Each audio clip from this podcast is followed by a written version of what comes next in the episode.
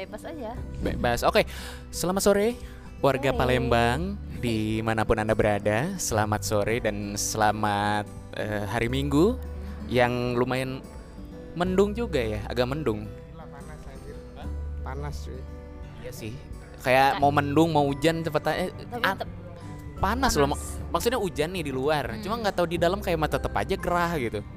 Dan hari ini kita kedatangan Tuma, eh, a guest, a guest Hastar a guest star, a, a mysterious guest. Siapa lagi dan siapa nggak bukan? Gimana sih?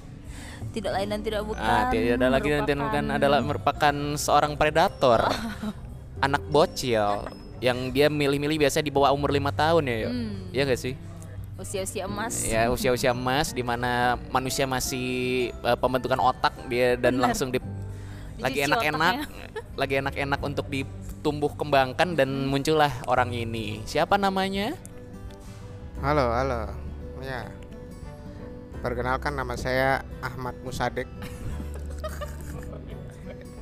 Ini tuh langsung gitu. Langsung gitu.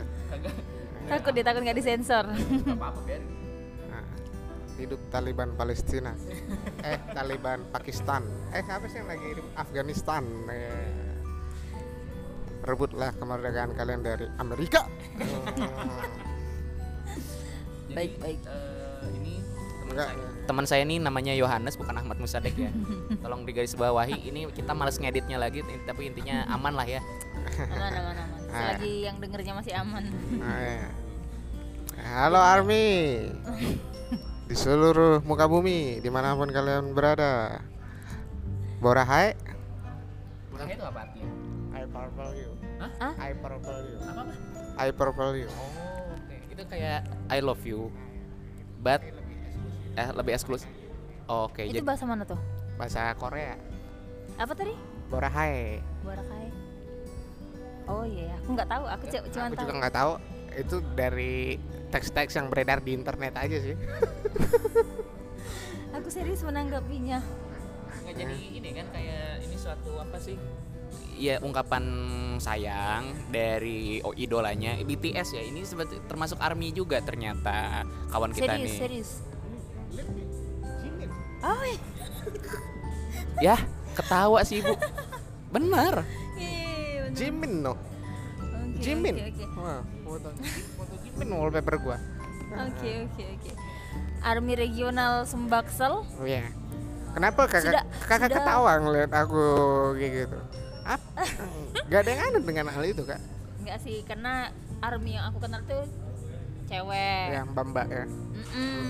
adik-adik Ah, yang fanatik yang beli album aku album baru itu kemarin nitip ke orang ini.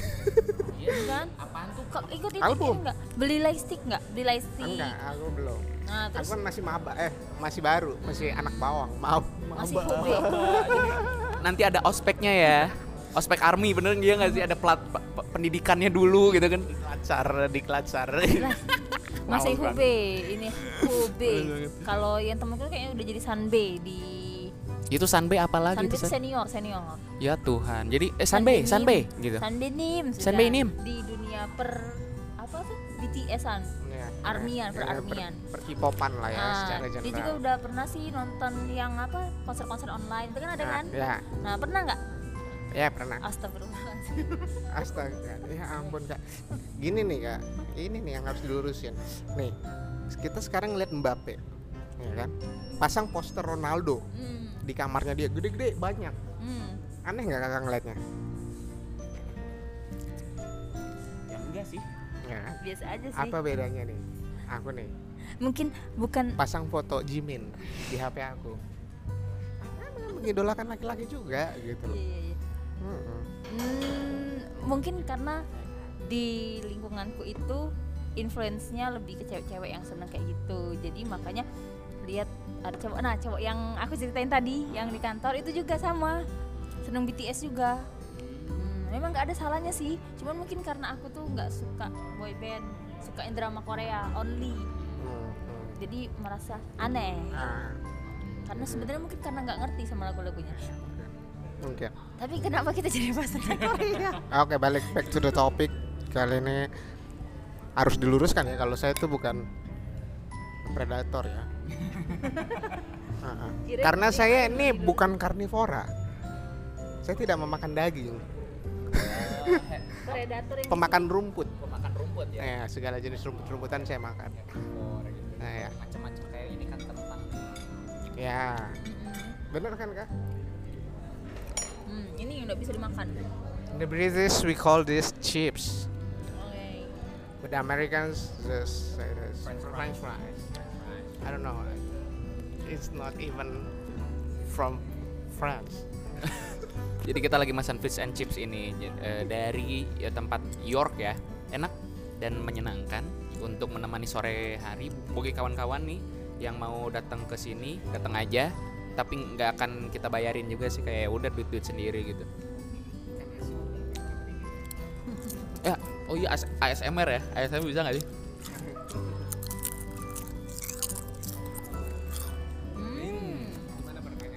Oke, jadi balik lagi ke topik yang sempat tadi ngebahas army. Eh, intinya teman saya army, titik ya. Tapi hari ini kita mau ngebahas sesuatu yang mungkin agak eh, sensitif, agak eh, mungkin bagi di masyarakat kita dianggap tabu, tapi tidak juga karena ini sudah terjadi di mana pun ya dan sudah jadi rahasia umum juga. Semua, hampir semua orang pasti tahu, bahkan mungkin melakukan, bahkan mungkin menjadi korban. Apakah itu? Jadi kita bakal ngebahas soal Sexual harassment nah atau pelecehan seksual gitu. Ini mic saya pegang aja ya Pak, jadi tinggal enak ya, biar Bapak tinggal ngomong. Saya todong langsung aja. Oke, jadi eh, diawali gini dulu deh. Kenapa sih ibu nih tiba-tiba ngomongin pelecehan seksual? Apakah baru-baru ini pernah dilecehkan atau pernah diseksual? atau gimana? Jadi ceritain dulu dah asal mulanya. Kenapa kita jadi harus ngebahas ini nih? Berangkat dari keresahan saya. Anjir sih CEO banget gak sih jawabannya? Ya kan ya? CEO-CEO startup berangkat dari keresahan saya. kenapa ya? Aku juga lupa sih kenapa kemarin membahas itu. Tapi memang lagi trending kan di Indonesia mengenai eh, pelecehan seksual yang terjadi di salah satu lembaga di Indonesia dan juga ada salah satu Sebut aja bu. KPI. Inisialnya KPI ya. Iya, National KPI. Iya. Dan eh, juga berbarengan sama keluarnya seorang predator Nah, oke. dari penjara yang diglorifikasi katanya. Nah, Jadi kebenaran-kebenaran itu kita jadiin bahan aja Eh. biar ada topik gitu. eh, Gitu. Nah, tapi sebelum buat podcast ini, sebelumnya aku juga pernah buat konten yang sama tapi melalui live Instagram dengan perempuan. Jadi kali ini kita bahas dengan perspektif yang berbeda karena lawan ngobrolnya itu adalah laki-laki atau cowok atau men atau pokoknya jenis kelamin yang berbeda lah gitu. kayak Begitu. Namanya rata-rata. Ya rata-rata kan pelakunya cowok lah ya. Tapi nggak semua. Nah, iya bahkan cewek juga Iya. bisa. Nah, Bahkan cewek bisa melecehkan cowok. Betul kan? benar. Eh, yuk pernah nggak i- bapak nih ketemu mungkin tahu atau teman apa gimana yang memang pernah menjadi korban atau menjadi eh, pelaku bahkan mungkin bisa jadi ya kita nggak tahu di luar sana ada yang memang dia sering melakukan dan kayak show off bahwa eh gue pernah ini loh gue pernah ini loh gitu pernah nggak sih ada nggak sih yang apa korban apa pelaku? apa aja bisa jadi. Kalau korban sih ada ya temen gua dia pernah menjadi korban laki-laki pelecehan. Laki-laki? Ya itu. Nyaris diperkosa mungkin seingat gua kalau gua nggak salah. Ya dan itu mungkin menimbulkan trauma yang cukup besar Dalam. buat dia. Ha-ha. tapi kalau untuk tadi apa namanya? Eh pelaku show off show offan bisa jadi ya. Gua rasa sih belum ketemu ya yang kayak gitu. Nah, ya. Maksudnya itu bukan jadi sebuah Kebanggaan. kebanggaan harusnya gitu dan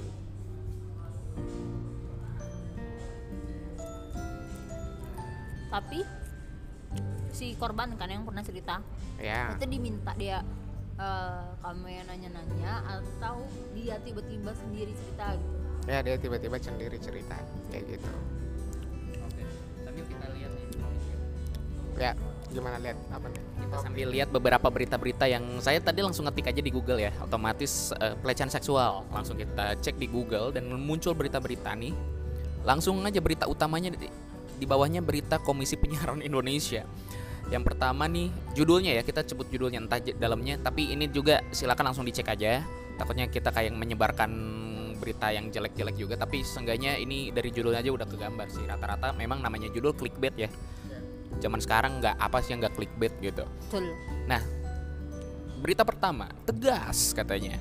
Polisi tolak laporan pelaku pelecehan seksual pegawai KPI. Oke. Polisi tolak tuh, ditolak eh, langsung mentah-mentah. Entah mentah-mentah atau gimana ya, tapi ditolak. Terus yang kedua, dari Kompas TV. Oh, yang tadi yang awal dari Tribun News. Yang kedua dari Kompas TV. Dukung terduga korban pelecehan seksual KPI, Sherina Munaf. Titik dua, harus ditindak bukan dibungkam. Karena kan kalau nggak salah tuh sempat terakhir yang disuruh damai ya, kalau nggak salah ya. Mm-mm. jadi kebalik kayak si korban harus minta maaf ke pelaku malah si korban yang Nah, dituntut secara hukum. Oke. Terus ada lagi, ini eh, dari Kompas TV lagi. Ini alasan polisi tolak laporan pelaku pelecehan seksual di KPI. alasan nomor tiga bikin kaget nggak? Apa tuh? Enggak Nggak ada kayaknya, nggak ada. enggak nggak ada kayak gitu? Nggak ada. oke Gua kira ada kayak, alasan ketiga bikin kaget. Alasan kelima bikin merinding. Nah, kayak gitu kan Emang, emang, emang, emang. Terus deh, dari mana nih? Tahu nggak kebaca dia? Eh, ren- judulnya rencana polisikan balik korban, laporan terduga pelaku pelecehan seksual pegawai KPI ditolak.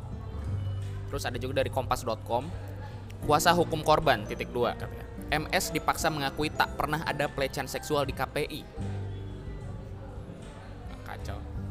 Ini banyak banget pokoknya yang intinya memberatkan si korban ya, memberatkan si korban. Nah, ada lagi oh soal Saipul Jamil, galamedianews.com. Soal Saipul Jamil dan pelecehan seksual. Komika ini desak ketua KPI mundur. Bapak sehat katanya. Kacau. Terus ada lagi ini kayak KPI semua sih rata-rata. Ya, karena masih ya. yang masih aktual beritanya tentang pelecehan yuk agak di bisa dikit yuk suaranya yuk kayaknya kekecilan masuk masuk masuk masuk ya Oh ya. Iya, karena itu yang lagi rame sih. Jadi itu yang dibahas. Apa lagi? terlepas dari kasus itu dilaporkan atau eh, malah dilaporin balik dan lain-lain maksudnya tuh sebenarnya eh, ini tuh salah satu apa ya gebrakan baru lah untuk korban-korban pelecehan seksual di Indonesia untuk berani speak up bener Ya. kan tapi dengan keadaan yang demikian kayaknya malah dibalikin lagi jadi dibungkam lagi kan Nah, sebenarnya gini eh, kalau ada temen yang berani cerita itu pasti intensitasnya sangat amat dekat atau dia itu butuh orang lain yang gak kenal sama dia untuk menerima cerita dia tentang pelecehan seksual. Eh, kalau Yohana sendiri pernah nggak jadi pelaku ataupun korban? Bukan In nuduh ya. iya ah, ah, in your life. Nggak usah diceritain gimana nya tapi pernah nggak terkait sama pelecehan seksual? Terkait dengan pelecehan seksual ya. Hmm. Untuk sampai saat ini sampai detik ini sih gua belum pernah melakukan itu. Kalaupun ada tindakan tin- itu semua by consent sih. Apa pun yang gue lakukan semua by consent gitu. Kayak gitu. jadi anda masih suci ya Enggak juga. Sih, gua nggak bilang diri gua suci, cuman dari bentuknya ini pelecehan seksual eh, yang kalau apalagi kalau misalkan dilakukan mau sama mau ya. Hmm. Itu masuk masih bisa disebut nggak sih? Karena kan ada mungkin gini contoh kalau ada sa- satu kasus yang kita buat kasus misalkan si anak namanya anak sekolah lah ya anak sekolah ada cowok nih ya melakukan itu ke satu temennya cewek gitu dan si ceweknya nerima-nerima aja misalkan tapi ternyata ngo, eh, di di lain di eh, di luar itu guru atau bahkan mungkin orang tuanya tahu akan hal itu gitu. Dan membuat kayak itu tuh pelecehan seksual gitu. Nah itu kan bisa jadi sesuatu yang menurut gua ini gimana nih eh, mengidentifikasi bagi kita sebagai orang awam dan bukan orang hukum ya. Nah ini pelecehan seksual atau bukan gitu.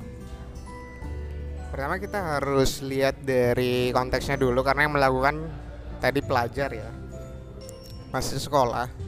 Karena eh gue sendiri kurang tahu kalau di Indonesia age of consent itu sejak umur berapa tapi kalau di Amerika setahu gue ada di beberapa negara itu ada yang 16, 17, 18 gitu. Jadi ketika itu dilakukan di bawah umur itu gitu, itu masih termasuk tindakan pelecehan seksual karena masing-masing dari pihak nggak punya pemahaman tentang konsen tadi kayak gitu sih.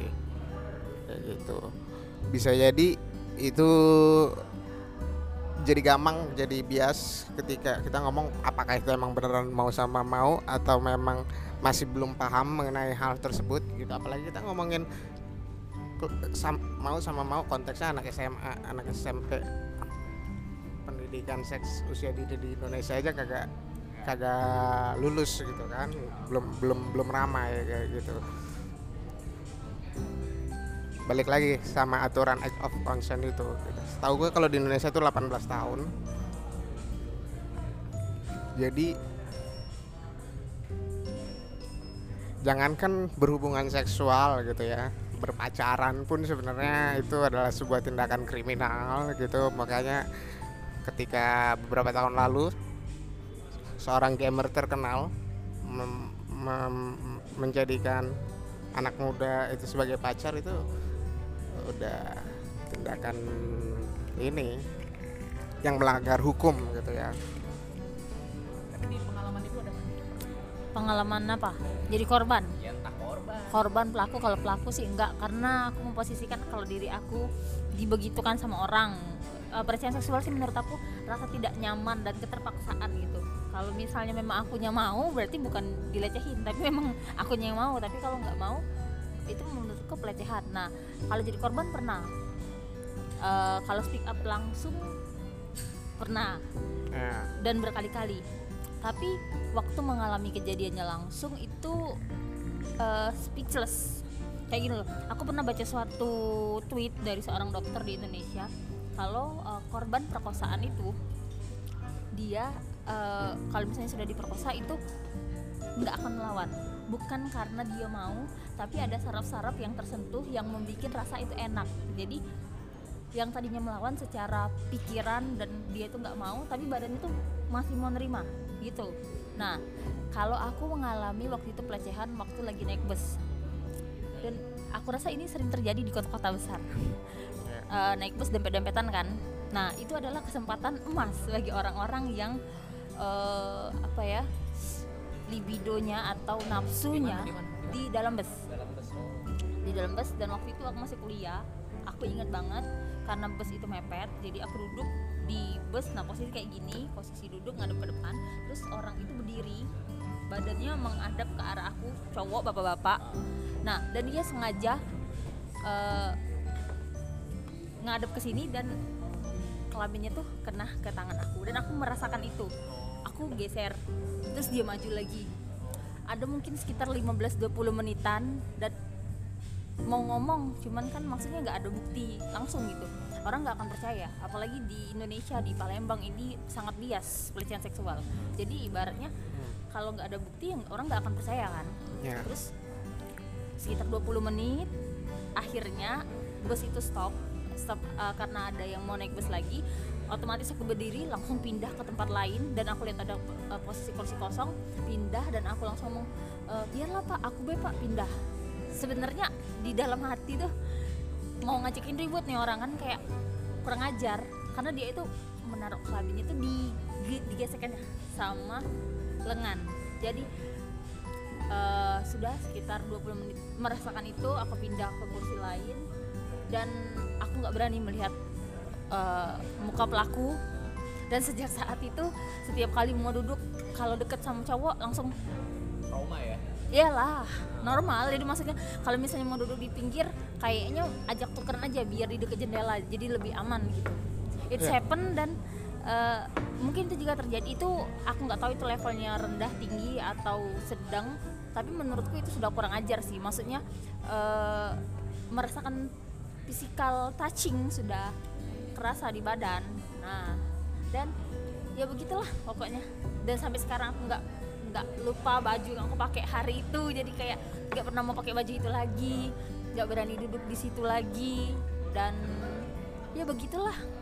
Kayak oh ya pernah yuk gua pernah lihat kayaknya saat di di TV ya entah di TV, di TV atau di YouTube gue lupa lagi tapi ada suatu pameran. Pamerannya tuh eh, gimana ya? Jadi itu tuh si pameran itu menam, di- memajang baju-baju eh, cewek yang diperkosa. Yang diperkosa. Hah? di TV bukan di TV eh, mungkin entah liputannya kayak di YouTube atau di TV ya kita nggak lupa lagi aku. Tapi yang jelas itu dipajang semuanya baju-bajunya dan sama foto-foto si korbannya. Tapi yang tapi yang aneh apa coba yuk ternyata kok bajunya ini bukan baju yang minim bukan baju tank top bukan. Kayak baju baju biasa. Kalau misalkan kita daster atau misalkan ada yang kemejaan atau bahkan ada yang anak remaja semacam ya rok mungkin tapi rok se sebawah di bawah lutut. Dan itu kayak wah gila sih maksud maksud aku kayak ini eh, pemerkosaan ini tuh nggak di luar pelecehan seksual ya mungkin masih masih masuk ranahnya. Tapi ternyata menyerang siapa aja nggak cuma sekedar kayak kan stigma orang gini loh kayak lupa kobak Makanya Ke cewek gitu. yang pendek-pendek Heeh, jangan pak Undang. Heeh, jangan pakai yang pendek-pendek nanti mengundang. Atau misalkan lu sih kem- eh, pakai baju yang yang begitu yang panas lah yang hot gitu. Makanya orang pada kayak gimana. Cuma anehnya dari situ tadi ah, ketika aku lihat si pamerannya wah gila ternyata cuma ini tuh orang-orang biasa gitu. Yang nggak cakep-cakep amat ketika ada foto-fotonya ditampilin tuh kayak nggak cakep-cakep amat gitu apa mau eh, apa? Pertanyaan? Apa yang Makanya kayak gimana ya? Maksudnya eh, apalagi beberapa cowok mungkin nggak bisa menahan nafsu ya. Kita nggak tahu mungkin dia juga bisa menjadi itu entah yang nanti kelak jadi predator atau gimana. Bahkan sampai mohon maaf ada berita ya bu ustad kita nggak sebut agamanya atau gimana pokoknya atau guru ngaji Bapak gitu. sudah ngomong ustadz dan guru ngaji. Bapak bilang kita nggak usah sebut agamanya. Sok Iya, atuh mangga. ya udah kita uh, ustadz yang kita nggak sebut namanya eh nggak sebut agamanya maunya apa mohon maaf eh, ya udah eh, pemuka agama gitu tapi kalau pemuka agama terlalu ini nggak sih kayak Lu udah gimana? ngomong. Emang ini kag kagak ada. Ini versinya an kata pekat gitu. Iya. Ah, Begantung dulu ya. Jadi eh, ya beliau ini mencabuli anak-anak didiknya gitu loh Ya. kan ya luar biasa lah menurut gua gitu Apa yang luar biasa? Luar biasa Ya, jadah. nggak gagah juga Jadah. gimana ya ya orang yang seharusnya punya punya rem untuk melakukan hal itu gitu kan dan paham dan sadar akibatnya dan tahu aturannya Mhm. Bahwa itu dilarang ya maksudnya bentuk pelecehan apa pun apalagi yang berkaitan dengan lawan jenis Ya. bahkan sesama jenis gitu ya Ya. Eh, itu juga kayak eh, ya ya gila nggak sih orang yang tahu aturan tapi dia tetap aja ngelakuinnya gitu loh Iya. Gue nggak tahu ini harus mulai dari mana ya. Cuman em, agak bingung juga membahasakan ini agar tidak terlihat mengglorifikasi atau melakukan justifikasi terhadap para pelaku. Cuman kalau kita lihat dari skala yang lebih besar, ini kan apa ya?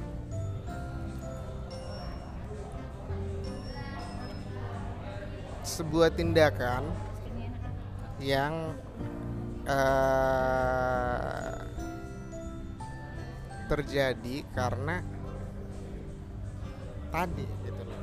Dia punya apa namanya hasrat gitu kan. Itu memang bisa dikontrol. Itu memang bisa ditahan gitu loh sebenarnya gitu. Tapi kalau lihat dari skala yang lebih besar lagi itu tuh menjadi masih jadi bias gitu loh karena itu hal yang tabu ya. Sama kayak orang mabok itu haram dilarang. Tapi ada satu momen dalam hidupnya dia gue pengen mabok dan dia malah mabok tiga botol. Menjadi eks- eksplosif gitu loh kan karena tadi ada aturan ada ke- keterbatasan keterbatasan atas akses dan lain-lain sebagainya yang akhirnya menyebabkan dia menjadi sebuah pelaku gitu kan. Sekali lagi ini nggak nggak membela pelaku tapi ya hal yang dilakukan oleh para pelaku itu salah. Tapi kalau kita lihat dari secara manusiawi? bukan secara dari dari skala yang lebih besar lagi inilah pentingnya legalisasi prostitusi. Saya ngomong ini bukan berarti saya pengen make gitu Ya. ya tapi setidaknya untuk mengamankan orang-orang di luar sana yang tidak mau menjadi korban gitu kan dan memang itu tuh sudah maksudnya kalaupun prostitusi yang memang eh, kita nggak sebut itu legal ya tapi maksudnya legal secara ekonom eh bukan ekonomi apa ya kayak ada transaksi yang jelas gitu kan Ya. ya, s- dua kedua belah pihak sama-sama setuju misalnya Iya. gitu. ya maksudnya itu tadi kalau ada kalaupun ada legalisasi prostitusi itu tuh kayak memusatkan semua apa eh, bentuk-bentuk kayak gitu tadi dan Iya. kayak bener juga sih menurut aku kayak ada benernya ya tapi nggak nggak sepenuhnya bener sekarang kayak gini kita ngomong gua ngomongin legalisasi itu nggak cuma ngomongin ada tempatnya secara legal agak agak secara legal gitu loh tapi diatur secara hukum eh, gitu loh. Eh, sekarang kita setiap tanggal 1 turun ke jalan demo ngomongin hak-hak pekerja. Gitu loh. Tapi kita nggak pernah ngeliat nih hak-hak pekerja seks komersil mereka nggak pernah dapet sampai detik ini di Indonesia gitu loh. Nggak ada aturan yang jelas mengenai hal itu karena itu nggak dilegalin karena itu masih hal yang tabu di Indonesia gitu kan. Mereka nih nggak punya jam sostek men. Nggak dilindungi jam sostek nggak dilindungi nggak dilindungi sama Kementerian Tenaga Kerja gitu ya. kalaupun nanti misalkan terjadi ya itulah ya eh, dan mental dan mentalitas pengguna di Indonesia adalah gua bayar lu jadi milik gua terserah Hmm. gua mau ngapain banyak kasus-kasus bisa jadi mereka dilecehkan juga gitu loh Hmm, orang yang bekerja di dalam ranah itu dilecehkan Hmm. karena nggak ada perjanjian di awal gitu loh Hmm. yang penting sih orang tuh bayar aja gitu loh iya nggak mau tahu lo jadi milik gua istilahnya kayak gitu gitu kan Hmm. Apalagi kayak kes- ya gue juga mikir keselamatannya juga kan sih iya Eh, banyak kalau kita googling banyak kor apa PSK PSK tuh yang dibunuh dimutilasi Oh. dan lain-lain nggak ada perlindungannya gitu ah. kenapa nggak di- dilegalisasin aja itu nggak cuman kayak kayak zaman sekarang gitu kita mau ngelamar kerja mau ke mall segala macam harus ada surat vaksin harus mau ke pindah ke tempat lain Iya. harus ada tes PCR dan lain-lain Hmm. kenapa itu nggak dilakuin dalam ini loh urusan ini gitu loh Hmm. ini kan menyenangkan semua pihak sebenarnya gitu loh Hmm. menjamin bahwa kedua belah pihak aman sehat Hmm. tidak ada yang tersakiti ada perjanjian yang jelas Ah. dan lain-lain orang bisa memilih ada katalognya istilahnya gitu Iya. oh gue pengen yang fetish gue yang kayak gimana yang suka sama yang kekanak-kanakan ada yang eh, pakai apa jadi itu bisa disalurkan nggak harus lu melakukan itu kepada anak-anak gitu kan pada pelajar gitu loh. Karena ada tenaga profesional yang bisa melakukan itu Hmm. gitu dan mau melakukan itu Iya. gitu loh.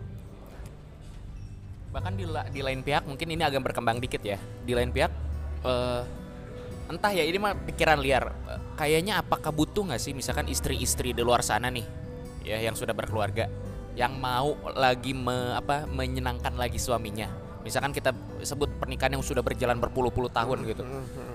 maksudnya secara seksual sudah kayak kayaknya udah nggak semudah dulu gitu kan Hmm, hmm. gitu dan pada akhirnya kayak butuh lagi recharge dari para ini tadi para pekerja seks komersial Hmm, ini hmm. tapi bukan untuk suaminya ya Hmm. balik lagi tapi untuk eh, si istrinya ini tadi Nah, gitu kan kayak ada satu istrinya influencer gitu dan memang hal-hal yang kayak gitu tuh sebenarnya dibutuhkan juga bagi untuk eh, bagi para istri di luar sana gitu Iya. loh. Untuk pada akhirnya untuk menyenangkan istri di luar maksudnya eh, urusan esek-esek antar si PSK dengan misalkan dengan laki-laki hidung belang. Tapi bagi maksudnya untuk ini tuh untuk mempertahankan hubungan pernikahan juga bisa salah menjadi salah satu cara gitu loh. Bentar, gua masih agak ini dulu ya sama ini Hmm. sama pertanyaan ini. Cuman gue mau balik lagi ke Hmm. konteks yang tadi karena gue merasa belum selesai. oh ya eh, kalau kita bandingin sama di negara-negara yang udah terbuka tentang hal itu yang sudah melakukan legalisasi hal tersebut pelecehan seksual itu jadi hal yang tabu Hmm. karena lu ngapain ngapain gitu. lagi ya ya ngapain lagi lu nyari nyari bu korban gitu kan. Iya, gitu. Makanya kena ketika si orang Indonesia yang di Inggris itu, itu langsung rame se Inggris gitu loh. Orang Oh, Inggris iya. semua tahu sama orang itu, si Reinhardt ya kan. Karena itu aneh gitu loh. Sedangkan di sini aneh karena hal yang beda gitu loh, Hmm. ya ya ya kan? Gitu. Jadi ben- apa legalisasi ini bisa me- me- mengurangi menurut gua dari pan- hemat gua dari pandangan gua bisa mengurangi bentuk-bentuk pelecehan seksual yang bakalan terjadi di masyarakat gitu loh. Daripada apa tadi namanya? Apa itu? Daripada nggak dilegalin gitu. oh ya karena tadi emang bisa dikontrol emang bisa ditahan gitu loh. Tapi sama balik lagi. Kayak bahkan gini loh kayak itu tadi ada waktu di mana itu meledak itu Hmm. bakalan bahaya banget Iya. gitu loh. Itu akan bahaya banget. Bahkan ini ibarat makanya nikah gitu kan. Nah. Makanya nikah itu jadi salah Nah. satu jawaban. Tapi nggak selamanya menikah jadi jawaban nah kan iya bahkan Eh, yang sudah menikah pun dia masih bisa melakukan hal itu kepada orang lain gitu nah loh itu yang jadi konteks tadi gitu loh bahkan melakukan pada yang lebih parahnya melakukan pada pasangannya sendiri gitu loh ini yang menjawab Oh, iya, yang pertanyaan yang tadi Hmm. gitu loh Pemaksaan, ya. Karena sempat ada kasus istri yang lapor polisi karena merasa dipaksa, merasa Nah. diperkosa sama suami sendiri. Kan Nah. pernah sempat waktu itu. ya Tapi malah eh, ibu-ibu nih yang di lingkup aku kerja kemarin ngomong masa iya sih istri diperkosa suami? Gitu Eh. mindsetnya. Nggak mungkin ya namanya istri itu siap nggak siap nggak mau ya harus mau gitu. Ya itu kan ya tadi karena masih jadi hal yang tabu gitu loh karena itu kan sebagai bentuk perkosaan sebenarnya. Gitu dan itu perempuan bisa jadi korban yang lebih parah lagi di situ. Karena bukan berarti ketika orang laki-laki menikahi perempuan artinya lo ngebeli dia dari orang tuanya terus lo berhak untuk ngapa-ngapain itu manusia gitu kan. Nggak gitu cara kerjanya gitu kan. Ya kan bahkan kalau ketika lo mau berhubungan dengan istri lo atau suami lo itu semua harus ada konsennya gitu. Apalagi perempuan punya kecenderungan yang lebih tinggi ketika melakukan hubungan seksual mengeluarkan hormon yang bernama oksitoksin. Di mana itu membuat perempuan jadi lebih terikat terhadap lawan pasangannya ter- lawan atau pasang- pasangan pasangannya dia gitu loh ketika berhubungan seksual yang akhirnya dia jadi ketergantungan dan segala macam yang akhirnya ketika pasangannya mau melakukan apa pun terhadap dia dia nggak bisa dia ada rasa takut untuk ditinggalkan. Kayak gitu-gitu. Yang akhirnya menyebabkan per- persepsi tadi gitu loh. Masa iya sih seorang istri diperkosa kayak gitu. Bisa jadi karena selama ini ibu-ibu ini tadi gitu loh takut untuk ditinggalin juga. Makanya ya apa pun yang dilakukan sama suaminya Ya, silakan. ya silakan aja gitu. Padahal itu bisa jadi termasuk bentuk pemerkosaan. Kayak gitu. Dan itulah pentingnya legalisasi prostitusi gitu loh.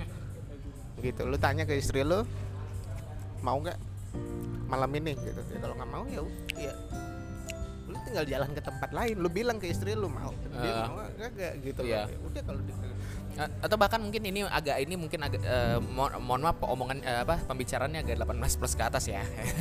Tapi maksudnya bahkan mungkin gini kayak eh, s- misalkan contoh si istrinya capek gitu kan si istrinya capek ya udah misalkan ada namanya masturbasi kan. Hmm, Jadi kayak ya udah cowoknya masturbasi aja sendiri gitu. Iya bisa. Bisa jadi kan dan Mm-mm. eh, tapi pada akhirnya nggak kita nggak sebut kalau gue sih masih bisa inilah ngontrol tapi kan kita nggak tahu orang lain gimana ya Hmm. gitu. Yang pada akhirnya ayo harus eh oh gue pernah cerita juga ada ada cerita juga kalau nggak salah. Jadi memang ini tuh kita anggap ada dua ini beneran kejadian. Iya. kita anggap ada dua pasang eh dua pasang sepasang suami istri gitu yang memang sudah harmonis banget kelihatannya harmonis banget sama-sama baik dan segala macamnya tapi karena suatu eh, kemampuan si istri yang memang saat tidak bisa atau mungkin gak sih tidak bisa juga tapi kurang bisa memuaskan si suaminya hingga pada ini si, si suami ini ya itu tadi nyewa Hmm. gitu Hmm. si suami ini nyewa padahal itu tuh kayak kayak ini tuh pasangan yang udah eh, udah ini banget gitu Hmm. tapi itu masih terjadi pak Hmm.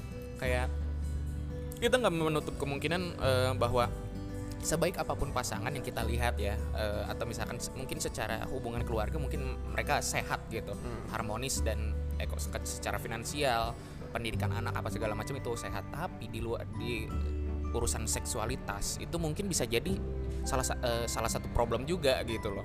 Ya, tadi balik lagi bisa jadi kalau kita ngomongin konsen ketika suaminya pengen melakukan itu jadi istrinya nggak mau kayak gitu. Atau istrinya ketika melakukannya suaminya nggak mau kayak gitu. Dan eh, sah-sah aja kalau dia mela- mau mm, apa mm, pergi ke PSK asalkan tadi ada konsennya gitu loh. Dia bilang juga ke pasangannya dia gitu loh jadi ada keterbukaan kayak gitu kan nah ini eh gue dapet data Hmm. biar kita masih ininya agak ini ya. Jadi ada da- dari data pengaduan ke Komnas Perempuan nih soal kekerasan terhadap perempuan kita sebutnya itu termasuk mungkin pelecehan lah atau apalah gitu ya. KDRT. sebut. KDRT mungkin salah satunya Ah. juga ya.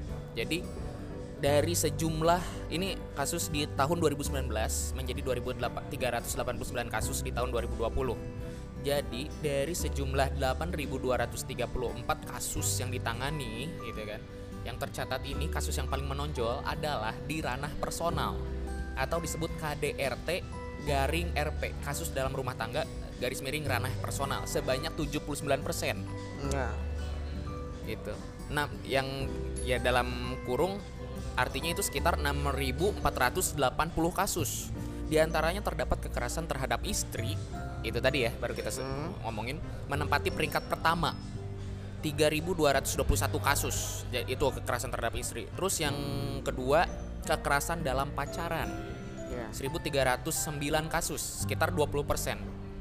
Terus yang ketiga, posisi ketiga itu kekerasan terhadap anak perempuan Ya. sebanyak 954 kasus, sekitar 15 persennya. Sisanya adalah kekerasan oleh mantan pacar, mantan suami, serta kekerasan terhadap pekerja rumah tangga. Ya. Ini kan menunjukkan ada grafik yang meningkat secara signifikan ya dari 2019 2020. Kita bisa lihat itu eh, kenapa itu bisa terjadi karena itu tadi itu memang kelihatan secara kasat mata gitu loh bahwa eh, pandemi ini memberikan efek yang cukup besar gitu loh untuk membawa manusia kepada sifat-sifat aslinya gitu kan. Belum lagi permasalahan ekonomi rumah tangga dan lain-lain dan tingkat intensitas intensi, intensitas untuk bertemu itu jadi makin panjang makin makin sering gitu kan. Yang akhirnya friksi atau apa namanya perpecahan itu bakalan lebih sering terjadi gitu loh. Apalagi di pandemi sekarang keadaan lagi berat emosi jadi sulit terkontrol akhirnya tadi kekerasan terhadap ibu rumah tangga anak perempuan itu menjadi hal yang cukup apa namanya eh mencetak angka yang cukup banyak Iya. kayak gitu kan Dan ini juga masih ada lanjutannya ternyata. Jadi kekerasan di ranah pribadi ini mengalami pola yang sama gitu. Bentuk kekerasan yang paling menonjol adalah kekerasan fisik. Sekitar 31% itu sekitar 2025 kasus terus disusul kekerasan seksual se- sebanyak 1983 kasus yang kalau dihitung 30 persennya jadi kayak hampir 11-12 nih kekerasan fisik sama seks- seksual itu sisanya baru eh, Kekerasan verbal. psikis psikis ya. ke- kekerasan psikis eh, entah kayak gimana gimana sih kekerasan Ya, psikis verbal tadi di dikata-katain dimaki-maki Oh, oke. dimarah-marahin. Sama yang terakhir yang paling kecil 10% itu dari segi ekonomi ternyata Iya. kekerasannya kekerasan ekonomi. Mungkin ya tidak dinafkahi apa gimana mungkin ya. ya gitu. Baru nih sisanya kayak ranah publik yang tadi ibu ceritain tuh itu kalau di sini sekitar 21% bahkan. Eh ternyata banyak juga serat 1731 kasus gitu. Diikut eh, mulai dari kekerasan seksual perkosaan terus yang ketiga pencabulan keempat baru nih pelecehan seksual yang sekitar 181 kasus. Kecil sih tapi bayangin aja 181 orang. Ya. Dalam satu tahun tuh kayak di ya ada pelecehan gitulah. Terus ada persetubuhan juga Ya. dan juga ada percobaan perkosaan. Ya. Gila percobaan perkosaan. Men bukan lagi percobaan pembunuhan gitu. Ya agak ngerti deh datanya. Iya memang, apalagi tadi ya yang paling banyak adalah ADRT tadi gitu loh. Itu jadi PR juga sih. Maksudnya em, kegagalan untuk mengontrol emosi juga apa namanya tadi pra- pikiran-pikiran mengenai pandemi inilah yang akhirnya membuat orang tuh jadi lebih impulsif sih menurut gua. Kayak gitu. Artinya kan gini kalau tadi yang sempat gua bilang makanya nikah supaya eh, hal-hal yang kayak itu bisa dihindari. Ternyata kan maksudnya dari dari dia datang ngomong bahwa ternyata KDRT yang paling banyak bukan Ya. pelecehan seksual di, di publik. Ya, ya. atau misalkan kayak per- percobaan perkosaan apa segala macam. Maksudnya jangankan dulu KDRT tapi yang pacaran pun itu Hmm. masih masih lebih banyak daripada pelecehan seksual gitu loh Hmm. jadi menurut gua eh, ketika orang-orang masih eh, berfokus kepada kayak itu tadi, misalnya eh, pelecehan seksual apa segala macam, tapi di satu sisi hal yang sudah di apa ya, ya, yang sudah dihalalkan, yang sudah di eh, yang sudah diwajibkan bahkan yang memang "Ya udah nih lu nikah aja itu bahkan bisa jadi eh, dari data ya ya lebih parah gitu. Ya. Itu data terlapor. Iya. belum lagi. Iya, yang belum belum terlapor. lagi korban-korban yang memilih untuk diam. Ya. betul kan?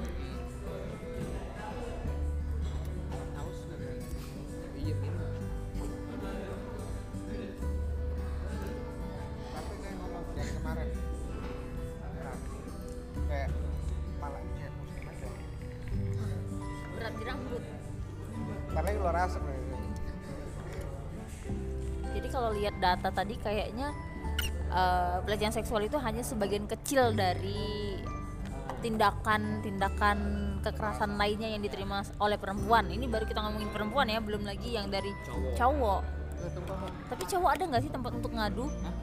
Kan kayak cewek kan ada komunitas perlindungan. Tumpah. Udah belum dikondisikan.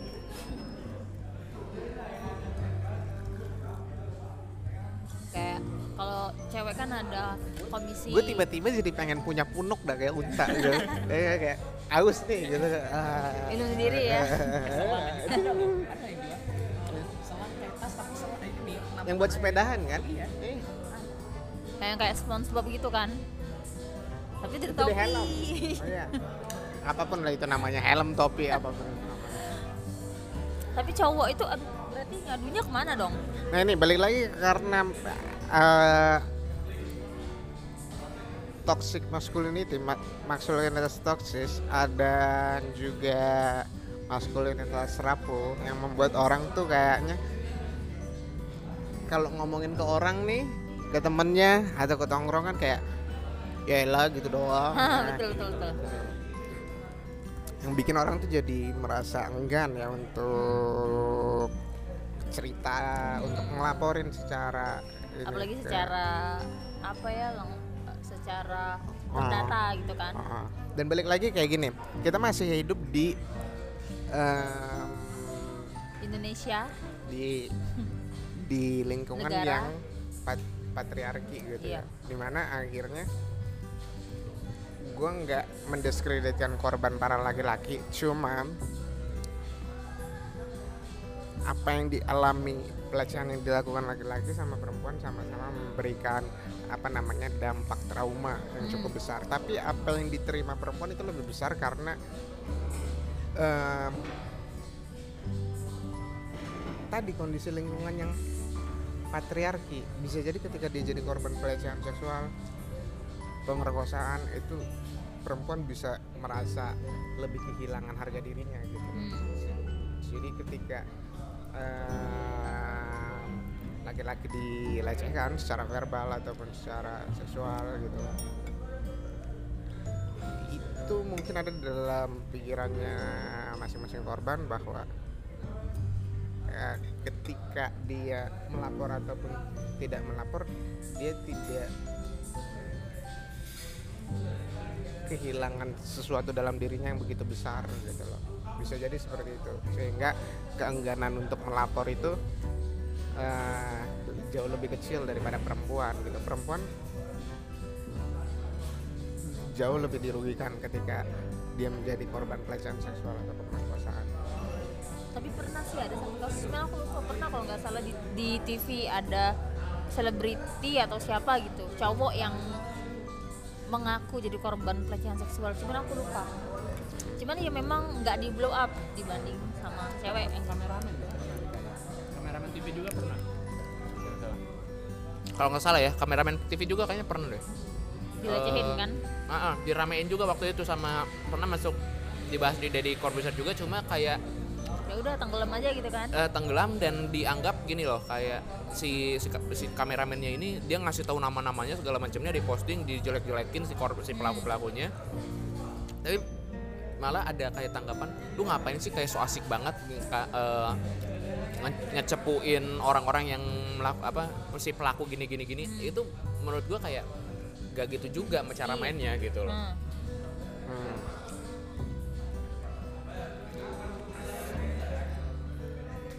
Kayak gimana? gua ngomongin data lagi Kayak terlalu banyak. Eh, jadi ada data lagi dari eh, mana nih? Eh, berdasarkan data dari Department of Justice Kanada dalam jurnal Male Survivors of Sexual Abuse and Assault Their Experience, 57 dari 59 partisipan mengalami pelecehan seksual ketika masih dalam usia kanak-kanak. 57 dari 59 Eh, eh, yang ditanya ya, apalagi ini anak-anak gitu. Data yang lebih mengejutkan lagi, 53 dari 57 partisipan tersebut menjadi korban pelecehan dari orang-orang yang telah mereka kenal, seperti anggota, keluarga. Hasil ini senada dengan laporan la- laporan dari Komisi Perlindungan Anak Indonesia yang menyatakan bahwa korban kekerasan seksual di tahun 2018 lebih banyak dialami anak laki-laki. Pada 2018, KPAI mencatat terdapat 122 anak laki-laki serta 32 anak perempuan menjadi korban kekerasan seksual di mana semua pelakunya adalah laki-laki. Semua pelakunya adalah laki-laki dari data yang di ini ya. Bentar, itu kenapa tiba-tiba ada KPAI dan tiba-tiba Kanada? ini gua Ini gue baca dari satu Nah, artikel di dari Nah. UI KSM titik UI titik AC titik ID itu ada juga sih beberapa ininya. Berdasarkan survei dari koalisi ruang publik aman KRPA 3 dari 5 perempuan artinya sekitar 54% serta satu dari 10 yang artinya 11% ini laki, eh, 11% ini laki-laki pernah mengalami pelecehan di ruang publik gitu. Survei ini dilakukan mulai dari 25 November hingga 10 Desember dan melibatkan 62.224 responden.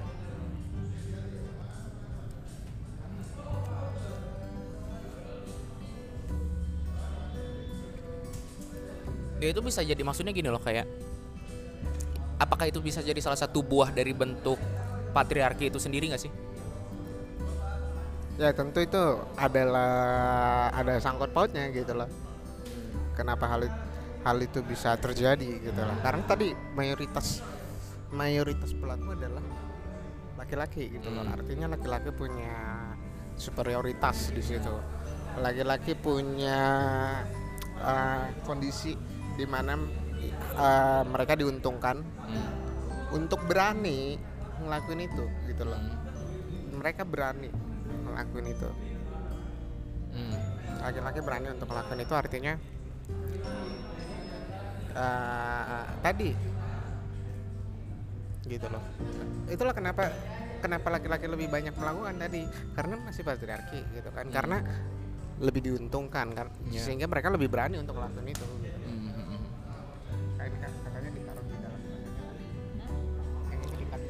nggak apa-apa biarin. Lanjut ya. Itu katanya jangan diluar jangan dikeluarkan. Barang berbahaya. Ya terboleh, tidak boleh terkena terik matahari. Ya baik lah kasih tahu. Nah itu tadi. Si laki-laki ini udah merasa nyaman udah merasa superior sehingga merasa berhak merasa punya advantage terhadap hal tersebut. Gitu loh. Sehingga mereka ngelakuin itu enggak bisa jadi mereka tanpa rasa bersalah gitu. Melakukan hal-hal pelecehan tersebut gitu. Ya pelecehan kekerasan dan lain-lain sebagainya. Ya gue laki-laki gue mampu gitu kan gue berkuasa gitu. Ah, ah, tanpa ada ya ibarat gini itu. dalam ada stigma yang ini juga sih. Cewek dia papain bisa perawannya bisa hilang. Hmm, cowok em, diapa-apain nggak akan kelihatan ininya gitu kan bekasnya lah gitu. Bekasnya nggak akan kelihatan. Ya itu mungkin dari situ juga bisa jadi. Ya gue gua cowok gue berkesempatan gitu misalkan. Apalagi gue punya cewek serah gue dong. Apalagi cewek cewek gue suka sama gue gitu kan. Dia juga mau ya udah. Kenapa enggak gitu? Ya kalau dia juga mau namanya bukan perkosaan ah, gitu. Maksudnya kan dari dari situ aja eh, Ah, apa dari situ aja bisa kelihatan gitu loh Nah. dengan pernyataan-pernyataan yang kayak gitu gitu. Iya emang agak berat sih sebenarnya ngomongin kayak gini cuma karena pada akhirnya balik lagi ke gua pengen ngomongin kayak apakah sistem peradilan kita udah udah cukup untuk melakukan untuk eh, menjaga itu gitu gimana ya sistem peradilan kita entah mungkin dari kita misalkan ngasih mulai dari eh, laporan gitu kan Hmm, hmm. sampai nantinya kelak kayak disidangkan apa segala macem gitu. tentu gini menurut gua hakim dan jaksa yang ada di peradilan itu bukan orang-orang bodoh ya. Mereka tuh KUHP dan segala macamnya udah dibacain bolak-balik sama mereka gitu loh. Tapi balik lagi em, kita kadang ngelihat apa yang ada di media itu kan eh, yang tersorot gitu yang yang exposure-nya lebih besar gitu bisa jadi bentuk peradilan kasus-kasus perkosaan di masyarakat biasa itu memang sudah dijalankan dengan baik misalkan. Tapi kenapa kita melihat yang terblow up gitu bisa terlihat tidak adil? Balik lagi gini orang bisa jadi eh, di blow up karena punya exposure yang cukup besar gitu.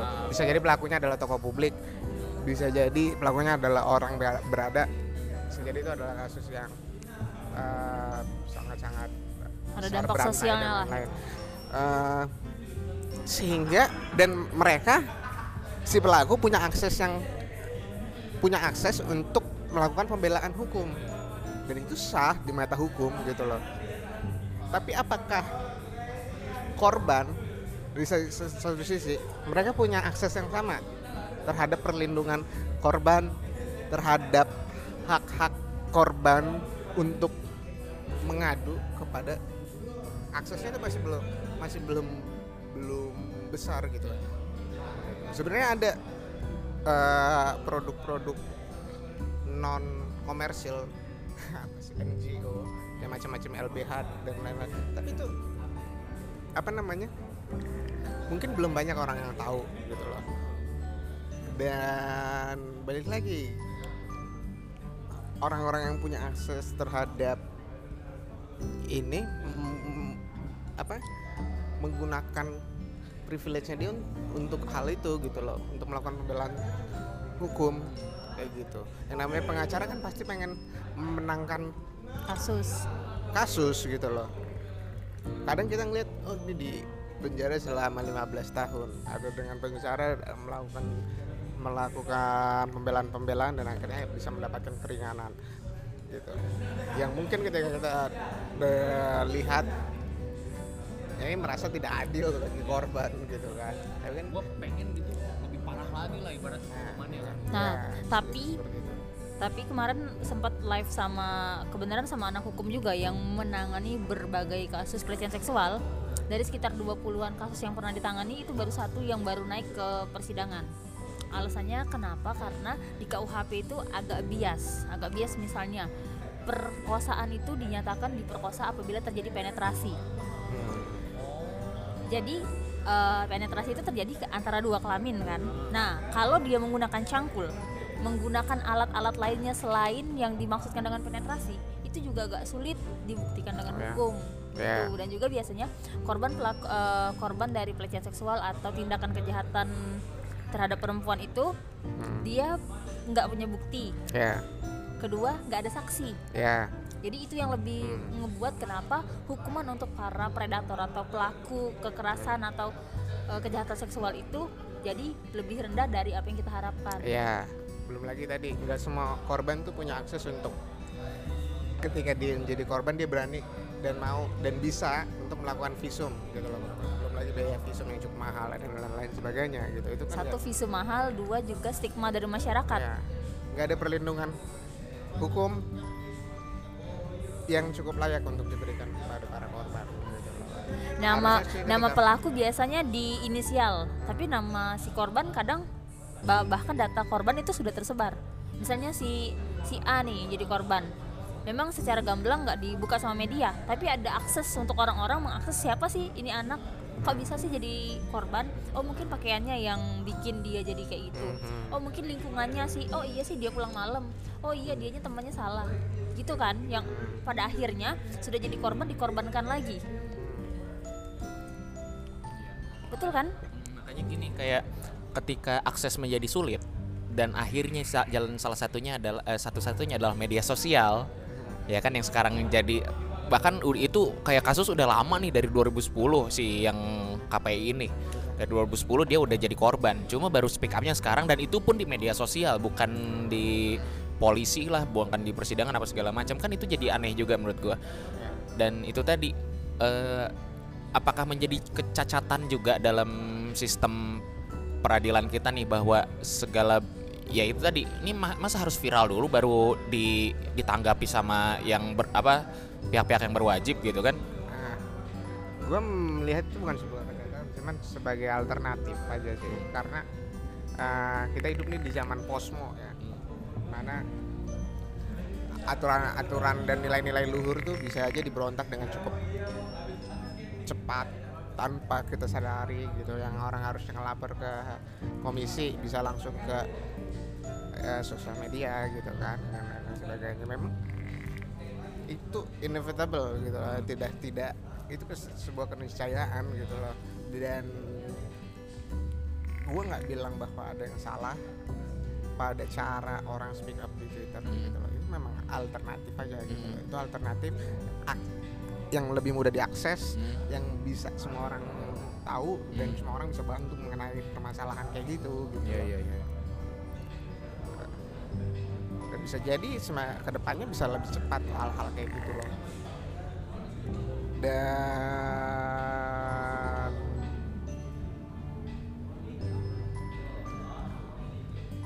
iya.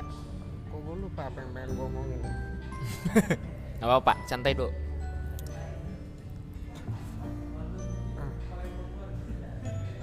Ayo. Banyak beban pikiran. Hmm. jadi cepat atau lambat cara-cara tersebut bakal bukan jadi hal yang asing lagi buat kita sih gitu orang speak up di sosial media Ya. di Twitter di Quora di Hmm. you name it lah gitu Eh, itu jadi alternatif apalagi buat mereka-mereka yang eh, punya keterbatasan akses Iya. punya eh, tidak punya perlindungan Mm-mm. terhadap dirinya sendiri hmm. Itu bisa jadi cara ya alternatif yang lebih lebih baik untuk dilaksanakan Iya. dilakukan sih. Apalagi bagi orang-orang yang gini loh yang akses ke internet bahkan ya itu juga masih susah. Itu juga kan jadi problem juga kan Hmm. gitu. Sekarang yang soal ba- baru aja ke media sosial belum lagi nanti orang-orang yang bingung banget. Bahkan mungkin sampai ya circle pergaulannya atau keluarganya itu yang memang sangat terbatas gitu yang dia bahkan nggak tahu bisa jadi ya kita, kita sebut apa tuh L- LBH tuh apa sih gitu. Hmm. kan itu juga bisa jadi problem juga nggak sih? Mhm. dan kalaupun ke polisi ngelapor ke polisi bahkan bisa jadi karena kita sebut di daerah polisi jarang menanggapi kasus-kasus yang kayak gitu juga kayak agak gagap juga bisa Ya, jadi kayak kan. kesulitan untuk memberikan respon terhadap makanya nanti ya baiknya gimana setelah ini si korban lebih baik di eh, lebih baik ngapain gitu kan itu juga bisa jadi masalah juga gitu loh Eh, dan ini juga kasihan ke balik lagi eh, ini kerugian bagi si korban bahwa ya psikis lah rata-rata pasti psikis kan. Kayak sudah pasti sudah pasti psikis gitu dan eh ya kak ya bingung aja sih menurut gua. Ini harus kita tuh harus ke mana nih gitu setelah ini. Kalau misalkan sampai gue yakin ini kasus yang sampai selama manusia masih ada ini masih akan tetap ada gitu. Ya. Se- selain pembunuhan gitu kan. Soal- selama prostitusi belum dilegalkan. Masih apa ya? Masih ya? Legalkan prostitusi. Tapi nggak juga sih. Ya silakan lah itu balik lagi. Tapi setidaknya eh ya gini pak ya. Hmm, kalau kita ngomong ya dari zaman dahulu kala nih hmm, sampai saat ini apa yang kagak runtuh-runtuh dan selalu ada gitu. Ah, prostitusi. Iya. Dan kalau itu ditutup nggak dilegalisasi. Hmm. ya, iya karena nggak tahu apalah neraka lah itu. Kayak pekerjaan paling tua tuh itu ya? Pekerjaan paling tua itu gitu. Sejak zaman nabi lah. Eh, dari zaman batu tuh prostitusi pekerjaan paling tua gitu. Hmm. iya sih Iya pak, betul gitu kan. Sekarang udah ada digital marketing lah, udah ada apa namanya back end developer, front end developer gitu kan Ah. pekerjaan-pekerjaan yang mutakhir. Tapi Ah. pekerjaan prostitusi itu dari zaman dahulu kala gitu, Hmm. dari zaman Mesir kuno sampai zaman sekarang tuh ada. Dan kenapa nggak dilegalin gitu loh? Iya. Dari dulu udah pada dilegalin.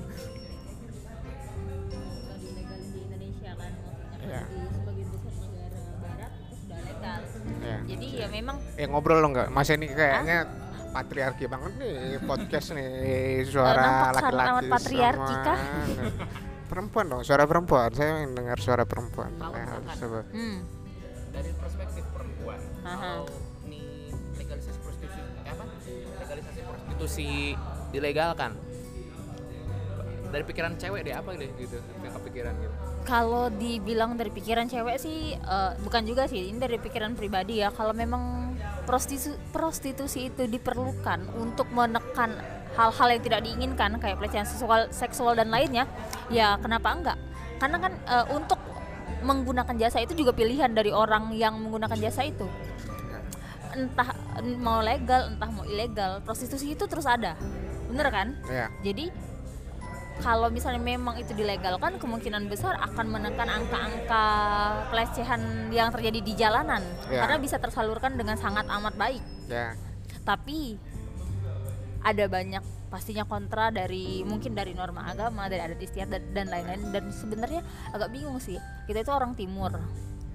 Orang timur kan? ya Katanya yang menjunjung tinggi sopan santun, adat istiadat Nah. dan lain-lain. nggak menjunjung tinggi nggak enakan sih Nah. kayaknya. apa itu ini tapi pada akhirnya eh, tapi pada akhirnya melecehkan orang lain itu menjadi hal yang tabu eh menjadi hal yang lumrah dan malah tabu untuk dianggap itu merupakan bentuk pelecehan jadi kan Ya. kita itu hal yang sebenarnya nggak jadi nggak harus jadi masalah jadi masalah karena aturan yang sangat kaku tadi kan eh, manusia kan terus berkembang maksudnya kayak kenapa sih kita nggak bisa mikir kayak Jakarta waktu zaman Ali Sadikin dulu kan jadi kaya raya kan gara-gara prostitusi dihalalkan di sana Ya, kan ya. nah mungkin one day itu kalau aku sih menganggapnya nggak apa-apa karena eh, untuk jadi bagian dari prostitusi itu juga pilihan orang karena di dalam situ bukan cuma PSK-nya aja tapi ada di situ ada juga industri di dalam situ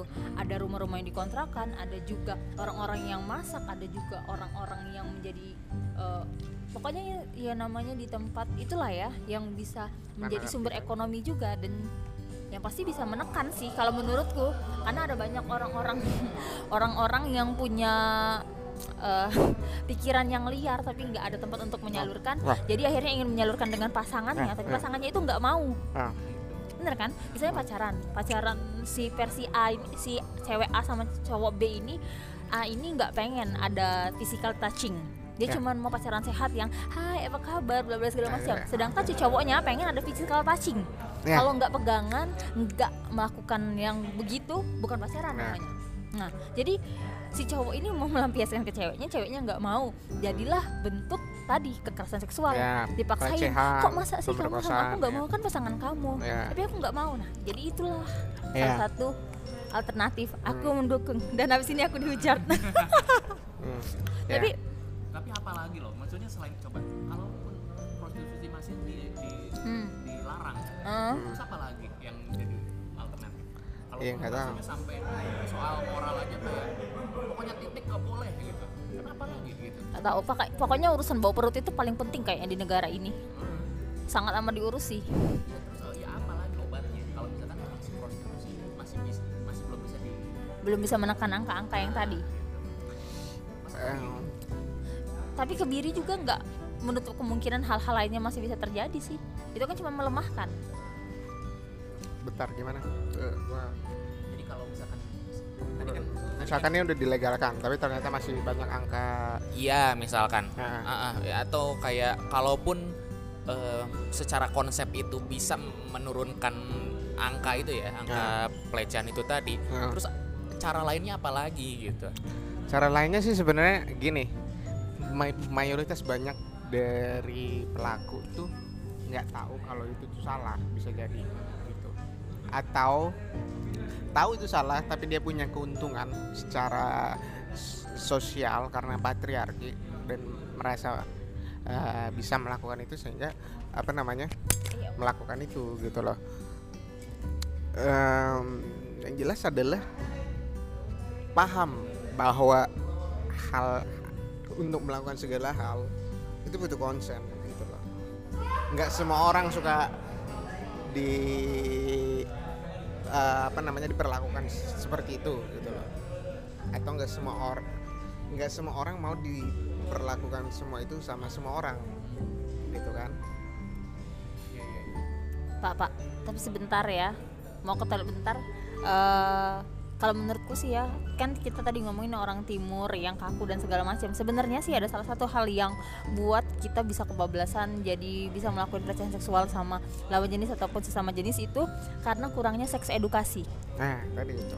Seks edukasi kita yang sangat amat kurang membuat orang berpikir eh, ya udah yang tadi patriarki segala macam. Kalau misalnya mengerti seks edukasi dari sedini mungkin, paham konsep untuk berhubungan itu kayak gimana, memperlakukan orang lain itu kayak gimana. Cuman sejauh ini sih mungkin karena di angkatan aku itu seks edukasinya ya nggak ada lah mungkin bisa Kakak dibilang nggak kali ada. lah ke sana. Apa? Kakak udah tiga kali ke sana. Satu kali? Sekali. Oh ya. Oh. Eh, Laju lah.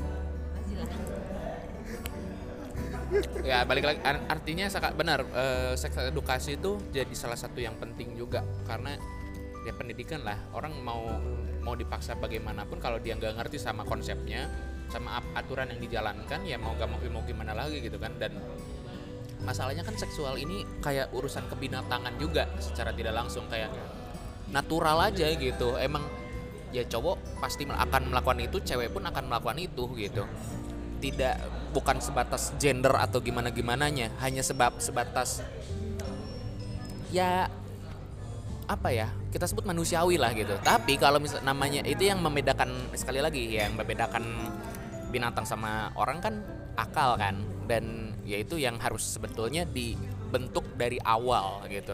Tapi balik lagi yuk kan secara tradisi kita nih kayak tabu banget gitu ngomongin yang kayak gitu-gitu apalagi bagi anak-anak misalkan Tolong jangan jangan bawa-bawa hewan ya di sini karena itu merendahkan jangan menyamakan hewan dengan manusia lah. Oh, karena iya. itu merendahkan martabat hewan gitu. Bahkan burung merak aja kalau mau kawin mereka harus adu-adu keindahan dulu Iya. sampai si betinanya tuh mau yang mana yang paling Ah. yang dia pengen tuh yang mana. Artinya dia punya kekuasaan untuk memilih gitu Ah. loh. Sedangkan, ah, kenapa nih manusia punya akal dan eh, eh, kayak gitu. Ha. Kita tuh kayak berasa ada derajat yang tinggi tapi kenapa kelakuan kita lebih rendah daripada hewan sih Oh, ya. kenapa coba ya ap- bukan apa ya gue sebut sifat gua janganlah disebut-sebut ya? sifat hewan Sifat sifat apa ya ya binatang. nggak tahu gue Itu itu itu bahasa gue lah bapak itu. sudah sudah melecehkan hewan loh itu itu bahasa gue saya, tuh- saya membela hak-hak hewan di sini yang nggak bisa bicara gitu ya Ya. Jangan samakan hewan dengan manusia itu sudah merendahkan har- harkat dan martabat hewan. Hewan bukan orang. ya, Hmm. Jadi itu kok bahasa gua maksudnya bahasa gua eh, bahwa Kalau- itu tuh natural aja gitu loh. Tolong, manusia itu lebih buruk daripada Aduh. Tapi ya itu tadi kalau misalkan emang kita nggak diatur dari kecil, nggak di nih yang bagus tuh gini A B C D, yang baik tuh begini begini gini. Ya pada akhirnya kan itu ya kita nggak tahu setiap korban atau ini kan mereka belajar dari kesalahannya gitu kan kayak oh aku baru tak aku baru tahu ngerinya pelecehan seksual setelah menjadi korban. Masa harus kayak gitu dulu? Gitu kan? Ya itu tadi jangan sampai jangan di- dulu jadi korban jangan dulu kecemplung du- apa jangan dulu kecebur supaya baru tahu basah gitu basah tuh kayak gimana. Kan bahaya juga gitu. Iya. Pak, Pak, jadi kita langsung aja ke closing statement karena waktu juga udah mengejar kita semua. Eh, Kita ngomongin langsung aja tentang at the end of Ini saya discussion. baru bakar loh kak. Oh iya maaf ya. Itu udah makan aja. Nih ceritanya? Ini udah eh, satu. iya Pak. Rokok. Saya ada undangan ulang tahun nih Pak. Oke. Jam setengah lima. Sekarang setengah enam. Ya, sorry Iya. sudah melang Tidak apa-apa. Jadi waktu eh, untuk menutup perbincangan yang bahkan gak akan ada ujungnya ini. Ah, ya. Hmm. What's in your mind? Apa sih yang kamu pikirin men- menurut kamu? Hal apa sih yang bisa uh, ngebuat pelecehan seksual itu di Indonesia Ya. dapat terurai, terkurang atau ya bisa ditekan lah gitu. Menurut pendapat kamu pribadi. Habis itu yang cowok lagi, yang terakhir cewek aja. Ini sebuah permasalahan yang cukup kompleks ya, karena tadi mental ketimuran kita tuh masih banyak ya. Maksudnya mental ketimuran tuh apa itu sopan santun? Semua orang tahu sopan santun itu moral kompas kita. Orang barat juga ngerti oh, sopan santun. Gak usah di ngomong adat-adat ketimuran. Adat ketimuran tuh gak enakan. Iya. Kesel gua. Kesel gua. Nggak boleh, nggak boleh, nggak bo- nggak boleh, nggak boleh minum. Eh, ini tuh karena banyak eh, harus melibatkan banyak pihak tentu saja. Em, dari dulu sampai sekarang, gue selalu merasa bahwa militer adalah alat atau media penyebaran informasi yang paling kuat di Indonesia saat dari dulu sampai sekarang gitu. gue nggak bilang bahwa itu harus dilakukan secara militer cuman melibatkan banyak pihak melibatkan banyak elemen masyarakat. Dan ba- butuh proses ada tahapannya gitu loh. Mulai dari bikin eh, rancangannya terlebih dahulu konsepnya kayak gimana untuk eh, tadi tentang eh, seks edukasi konsen eh, dan lain-lain sebagainya gitu loh ya karena ini menyangkut banyak hal dan banyak pihak gitu. Em, dan kayak gini maksud gampangnya ya. Dulu Soeharto bilang nih para tentara dan polisi bahwa ideologi PKI dan segala macam turunannya dilarang. Di mana pun itu berada jadi setiap kali ada pun yang berbau PKI hilang musnah dihancurkan. Tentu itu adalah tentu itu bukanlah sesuatu hal yang baik ya itu mematikan demokrasi. Cuman kenapa nggak di di jalan proses-proses penyebaran informasi seperti itu sebenarnya bisa dilakukan dengan untuk untuk niat yang cukup baik? Balik lagi ini harus ada niat yang baik dulu dari stakeholdernya kayak gimana dari pemerintahnya mau kayak gimana gitu. Kalau kita secara umum masyarakat nih udah pada paham tapi ketika ada kasus ternyata malah eh, tidak memberikan eh, keuntungan buat korban itu sama aja gitu. Harus dimulai dasarnya dari stakeholdernya dulu gitu loh. Kita sebagai peran masyarakat ya tadi membiasakan untuk membicarakan hal-hal ini. Bisa gitu loh di tongkrongan di di kantor segala macam sharing segala macam mengenai hubungannya dia dengan pasangannya dia. Sehingga bisa memberikan perspektif lain kayak gitu.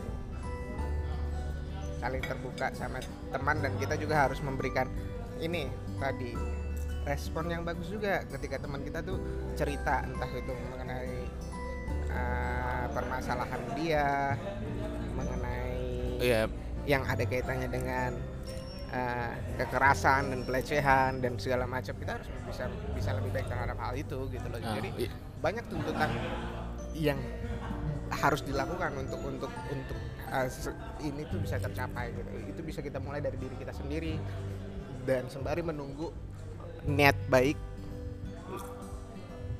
uh, dari stakeholder jadi kayak gimana Kalau dari saya sih yang pasti ganti presiden dulu ya. Jelas lah itu. Ya nggak sih? Ya, kalau bisa saya mendukung. Tentu saja ini lebih mudah ketika kita punya presiden perempuan yang tidak berprivilege Nah. seperti presiden sebelumnya, gitu. Ah. sehingga dia mengerti. Hmm. Paham atas setiap kegundah gulanaan perempuan gitu ya. Masyarakat Hmm, secara khusus perempuan yang selama ini menjadi korban, Nah, gitu. Gue rasa sampai kapan pun agak sulit buat laki-laki memahami hal ini karena selama ini karena sampai kapan sampai patriarki hilang dari muka bumi kita para laki-laki kayaknya akan sulit untuk memahami bahwa itu cukup melukai iya. perempuan dan tidak menguntungkan buat perempuan Iya. kayak gitu. Nah itu kalau dari aku sih satu eh, stakeholder udah pasti. Tadi sebenarnya udah beberapa poin udah dijelasin Yohanes ya. Tapi kalau aku sih lebih concern ke sex sex educationnya itu tadi. Jangan sampai kita kayak eh, urusan buta huruf aja masih dikejar. Tapi urus- urusan perbutaan ilmu seksualitas masih kayak di apa dibiarkan gitu loh kayak kita bingung mau ini kalau ada anak kita di, digini nih kita harus ngapain gitu dan ya secara alamnya sebagai misalkan sebagai orang tua kayak udah mana coba eh, yang giniin kamu gitu. Dan nggak ada proses yang harusnya kita ngapain nih gitu kan. Itu tadi. Dan maksudnya kalau di- harus dibatasi pun itu pun kalau sampai dibatasi antar cewek dan cowok harus dipisah juga Nggak ya gitu nggak sehat juga gitu kan. Tapi setidaknya itu tadi dipahamkan bahwa kamu anak cowok harus begini kamu anak cewek harus begini gitu. Jangan sampai kelepasan yang namanya ya itulah misalkan pacaran lah atau misalkan ha- hamil di luar nikah yang dalam artian mereka kecebur dulu baru tahu basah gitu. Jangan sampai kayak gitu. Jangan sampai kayak dia jadi korban dulu nih baru tahu eh, oh iya ternyata pelecehan seksual itu ini loh gitu. Jangankan korban yang per- sudah di apa diakui sama peradilan tapi kalau korban yang apa ya yang masih ya belum belum nyampe ke urusan hukum lah gitu kan. Itu kan udah kasihan juga gitu loh. Itu sih yang menurut gua paling ini eh, harus di eh, concern itu sex education. Dan jangan sampai ini dianggap tabu juga bukan menghalalkan seksnya tapi bagaimana anak-anak kita anak-anak muda bahkan yang harus tahu bahwa oh seks seks itu eh, atau bahkan bagaimana cara berhubungan antar lawan jenis itu yang sehat tuh kayak gini gitu. Itu sih yang menurut aku harus dipahamkan lagi. Luar biasa ya. Jadi hari ini podcast kita didominasi oleh cowok-cowok. Sorry ya. karena ya sebelumnya juga kan aku pernah buat konten tapi itu dari perspektif cewek. Dan sekarang ini dari uh, biar imbang lah ya biar dari perspektif cowoknya. Iya beda. Karena uh, mindset kita beda kalau aku kemarin sama temenku cewek yang juga uh, seorang advokat yang ngurusin kasus-kasus pelecehan seksual. Dan sekarang aku ngobrol sama cowok-cowok yang pernah mendengarkan kasus uh, yang diterima oleh orang terdekatnya tentang pelecehan seksual dan juga cara pandangnya. Dan aku sendiri orang yang pernah me- mengalami pelecehan seksual. Apakah aku malu? Enggak. Karena aku adalah korban. Eh, dan dan juga dan juga eh, apa ya seks edukasi yang memang harus terus di apa ya terus disebarkan. Bukan cuma untuk anak-anak yang masih kecil tapi untuk orang-orang orang-orang dewasa juga yang mungkin belum terlalu memahami tentang eh, sexual orientation dan lain-lain tentang hubungan dan lain-lain yang dewasa tapi tanpa pengetahuan gitu loh jadi harus tetap aware dan jadi cewek jangan ibaratnya eh, merasa kayak kalau nanti aku pakai baju begini aku jadi korban. Kalau nggak sebenarnya bukan masalah baju kamu bukan masalah penampilan kamu bukan masalah fisik kamu. Tapi orang-orang di sekitar kamu yang nggak bisa menahan eh, hasratnya dan kamu sebagai cewek minimal kamu punya kebiasaan lah bela diri. Maksudnya kan ibaratnya kalau misalnya mau diapa-apain kan bisa membela diri sendiri lah minimal. Iya. kalau misalnya di tempat ramai mungkin masih bisa terselamatkan. Even walaupun di publik pun masih bisa jadi korban pelecehan. Dan kita kadang terlalu malu untuk mengakui itu. Apalagi kalau misalnya di tempat sepi sendirian kan minimal menjaga diri sendiri dengan ya punya bela diri lah gitu. Jadi kalau mau ditarik orang ya dipukul. Karena kita nggak salah memukul orang yang sudah mau melecehkan kita gitu. Dan tindakan bela diri kan. Begitu. Ada lagi bapak Yohanes yang mau ditambahkan? Kayaknya pengen banget ngomong nih ya. Enggak, cuman makasih sudah mengundang saya di sini. Thanks for having me. Ini spesial banget karena ya agak mahal membayar narasumber kita yang satu ini ya. Sorry kalau banyak tadi banyak jeda, banyak kayaknya omongannya bakalan banyak yang kayaknya nggak nyambung atau ngawur atau gimana. Sorry karena lagi ada banyak pikiran karena banyak ini topiknya cukup menyangkut banyak hal jadi ya biasa ini dibayarnya pakai dolar ya pak ya dolar per kata Per kata. Kak. habis tabungan seumur hidup Ya, makanya tadi saya harus bingung kan mengeluarkan kata-kata biar agak lebih hemat. Iya.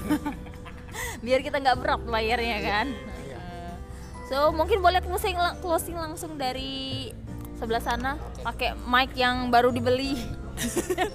Pakai gagang garpu gila luar biasa nggak oke eh, closing langsung ya. Pokoknya sekali lagi terima kasih buat eh, bapak Yohanes eh, yang sudah memberikan testimoninya sebagai pelaku. Sekali lagi sebagai pelaku. Predator. Sebagai predator dan juga ibu Sela ya yang sudah bergabung juga. Dan saya sendiri kanal kita? Iya. Kanal kita jadi ya begitulah. Siapa aja yang bisa masuk boleh masuk. Gitu. Cuman harus dibayar. Per kata. Gitu. Mahal gitu. Oke eh, sekali lagi bagi kawan-kawan yang pernah eh, mengetahui eh, misalkan teman kerabatnya yang pernah terjadi itu tadi pelecehan seksual bantu support ya si korban. Jangan sampai dijudge gitu apa-apa belum baru juga ngomong udah dijudge lagi. Makanya jangan ini gitu kan Kurang-kurangin menggunakan kata masih mending. Nah, ya atau lu sih atau kan. Nah, itu harus dikurang-kurangin ya masyarakat ya. Iya, iya, benar-benar. makanya bahaya. kemamp gini kemampuan menyimak itu juga penting gak cuma kemampuan ngomong tapi menyimak gitu kan bagaimana kalaupun nih orang si korban ini minta saran baru kasih gitu loh jangan sampai kayak eh makanya bagaimana gitu kan "Eh, masih mending gua mah dulu lebih parah gitu. Masih mending lu cuma dicolek gue diperkosa. Nah gitu. Iya nggak ada yang benar juga sih ya. Itu kan kesal juga emang. Ya sekali lagi eh, terus juga mungkin beberapa yang kemarin agak jadi kasus eh kasus jadi eh, publik juga. polemik juga buat publik ya soal glorifikasi si inilah ya. Jangan sampai itu terjadi lagi dan kita harus sebagai masyarakat sama-sama kalaupun eh, misalkan peradilan kita masih belum apa masih belum kuat masih belum mampu melindungi kita sebagai pribadi sebagai individu melindungi hak-hak kita sebagai perempuan bahkan atau hak kita sebagai laki-laki setidaknya kita paham apa yang harus dilakukan. Masyarakat bantu masyarakat, teman bantu teman ya. iya gitu. Luar biasa Jadi ka- selama masih kita masih bisa kita bantu, kita bantu. Oke, terima kasih eh, sudah mau mendengarkan dari awal sampai akhir. Bagi kawan-kawan yang baru mendengar, boleh langsung mendengarkan juga podcast-podcast kita lainnya. Masih banyak banyak bahasan yang akan kita bahas juga bersama mungkin nanti kelak eh, dengan orang-orang lain lagi yang baru lagi gitu dan eh yang menarik dan juga bagi kawan-kawan kayak aduh pengen dong ngebahas ini silakan langsung DM aja ke Instagram Instagramnya. kita di mana at podcast kita Oke, podcast atau kita. juga bisa ke email di @poki @gmail.com Oke, langsung atau eh, WA di bawah ini.